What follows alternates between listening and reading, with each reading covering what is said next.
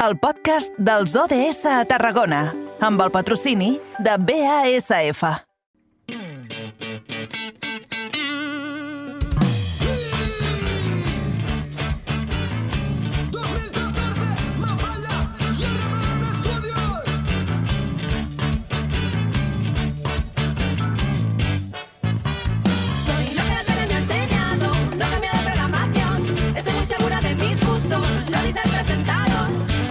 I com els avançàvem en el sumari del programa, ens atem aquesta darrera horeta parlant sobre els ODS, els Objectius de Desenvolupament Sostenible. Avui ens centrarem la mirada en l'ODS número 12, que ens parla de producció i consum responsable. I com cada 15 dies, ho farem acompanyats de l'associació La Farigola. Concretament, avui parlem de la planificació a la cuina i de les fruites i verdures de temporada. Per això saludem a la nostra convidada. Ella és la Montse Rull, una de les fundadores de la Farigola. Bona tarda, Montse. Hola, bona tarda, Angi, bona tarda a tothom i bon any. Bon any. Escolta, com has passat aquestes festes? Bé, doncs bé, la veritat és que molt bé, molt a prop de la família i per mi això és molt important. Jo el que uh, m'he trobat és que he menjat un munt.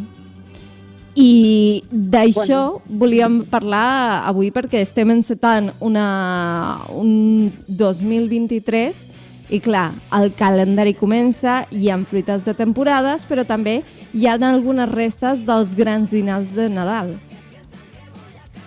bueno, sí, és una meravella, no? Una de les coses que ens emportem de- d'aquestes festes i d'aquestes barbaritats gastronòmiques que es poden arribar a fer aquests dies és el que ens queda, no? És tot allò el que no hem sigut capaços de menjar, no? I aleshores, Mhm. doncs, bueno, és eh, molt important, no? La cuina de l'aprofitament, que Mhm. quan jo era petita i a l'edat de les nostres àvies, doncs, eh, era el més habitual, era normal i entrava dintre del dia a dia de, de qualsevol casa, no? I això avui en Anem a- dia, doncs, potser no, no és tan freqüent.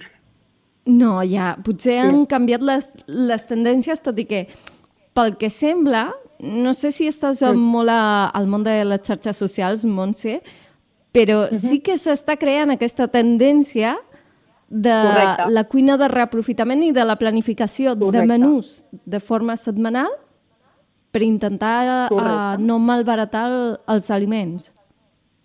Sí, la veritat és que avui en dia tenim moltíssimes opcions eh, si no sabem com fer-ho, no? O sigui, tu mateixa ho dius, eh, doncs des de xarxes socials podem trobar infinitat de coses que la gent comparteix i, i, i pots aprendre moltíssim en què fer amb qualsevol de les coses que, que tinguis a la nevera.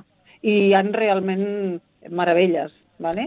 Però després, per exemple, si hi ha gent que no està en xarxes o, o és algo que no li atrau, eh, el que sí que també hi ha d'un temps cap aquí s'està veient molt i, i, i- i s'està reprenent són tallers, tallers també de, de, de reaprofitament no? de, de, del menjar. Això també s'està fent cada vegada més. De fet, uh, ara mirant una mica el calendari de les activitats, per exemple, aquí a Reus, hi havia un taller que t'ensenya a fer conserves durant tot l'any. Aquesta seria una bona forma de, doncs mira, reaprofitar aquelles fruites, aquelles verdures que ens hi queden però que ja no ens les volem menjar?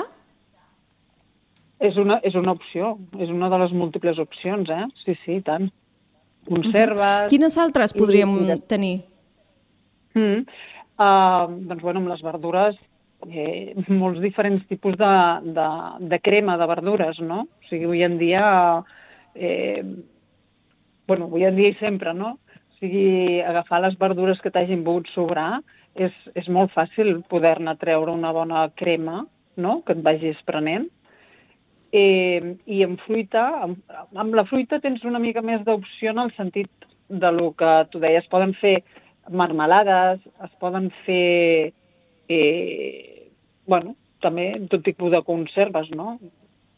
Uh -huh. En general... A banda, a banda d'això, una, Mm. una de les altres tendències, ja que estem parlant de tendències, és aquesta cuina de, Mm-hmm. de planificació, no? A preparar els menús de cap de setmana i així oblidant-te de què has de menjar cada dia. Com, com ho trobes, això, Montse? És fàcil uh, posar-ho Bueno. Posar en pràctica o queda molt bé a la Sí. teoria?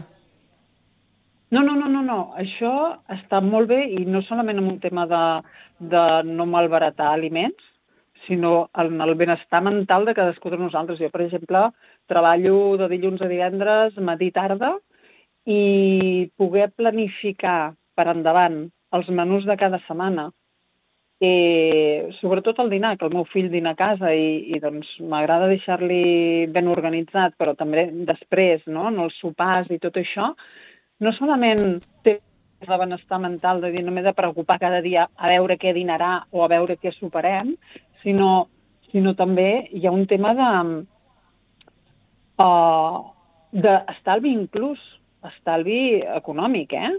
Perquè uh. -huh. et permet comprar única i exclusivament allò que tu saps que, que consumiràs, no? I aquí jo crec que és la part més important d'això que tu has apuntat, no? És a dir, compro el que necessitaré, el que faré i el que em menjaré, no? Uh -huh. Que de vegades, si, si vas a comprar, eh, no tens clar encara el que faràs, ni les quantitats, ni quanta gent seràs, per exemple, això ens porta pues, a que doncs, ens quedin coses a la nevera que, que es puguin fer malbé, no? I, i no es tracta d'això. Uh -huh. Uh, escolta, Montse, aquí també el que volem és donar consells i animar la gent a que s'apunti a aquesta forma d'evitar mm. el malbaratament alimentari. Llavors, Sí. per fer una, una miqueta simple, si nosaltres sí.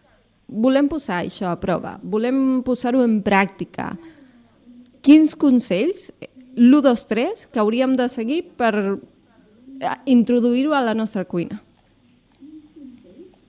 Et refereixes amb això a la planificació o al, o al, En la planificació i també una mica la cuina al de malbaratament en reaprofitament. general?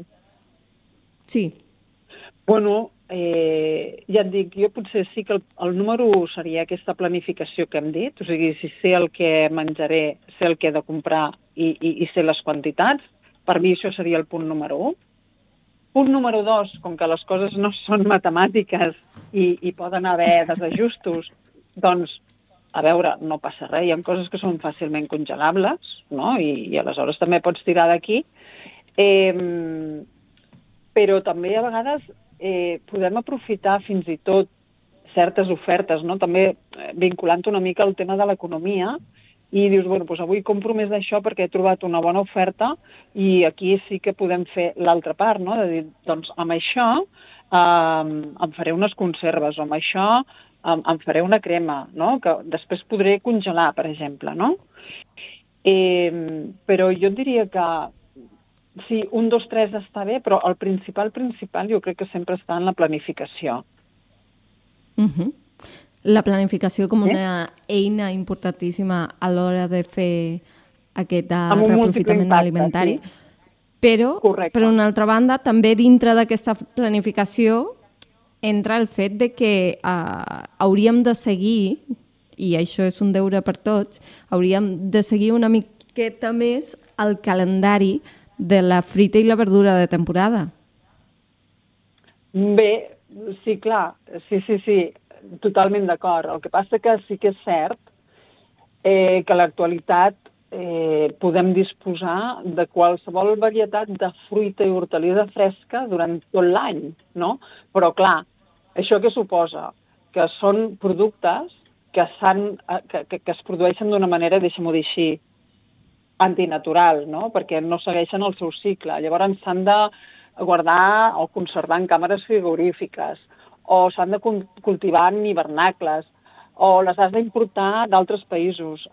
Aquestes coses suposen des de petjada a, a, a, a consum energètic, a, a tota una sèrie de, de, de coses que, que, que realment no ens interessen. No?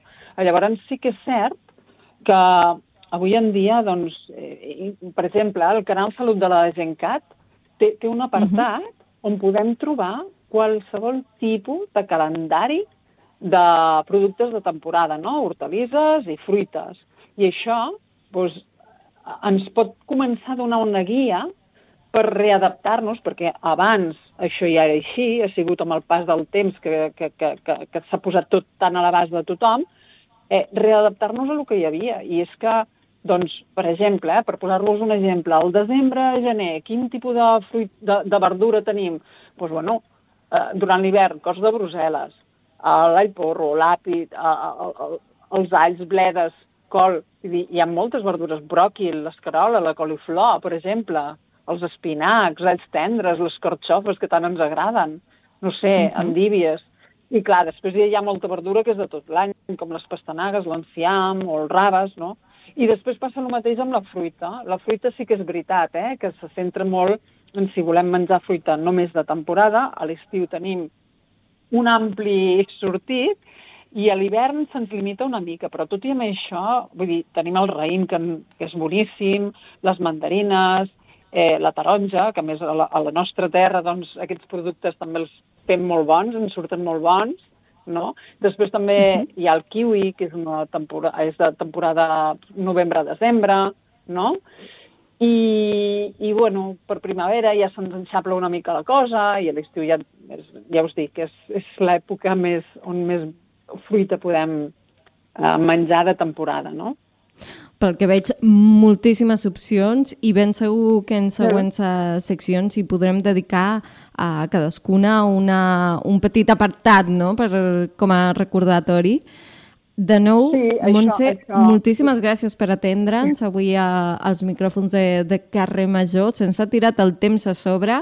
Així que malauradament no ho haurem de deixar aquí. Sí. Montse Rull, doncs fundadora dia... de la Farigola, moltíssimes gràcies sí. per ser-hi i fins la propera. Sí, el proper dia us portaré una recomanació que, que, que ajudarà moltíssim en totes aquestes coses. M'agrada, m'agrada això, Montse. que vagi molt bé. Molt bé, d'acord, gràcies.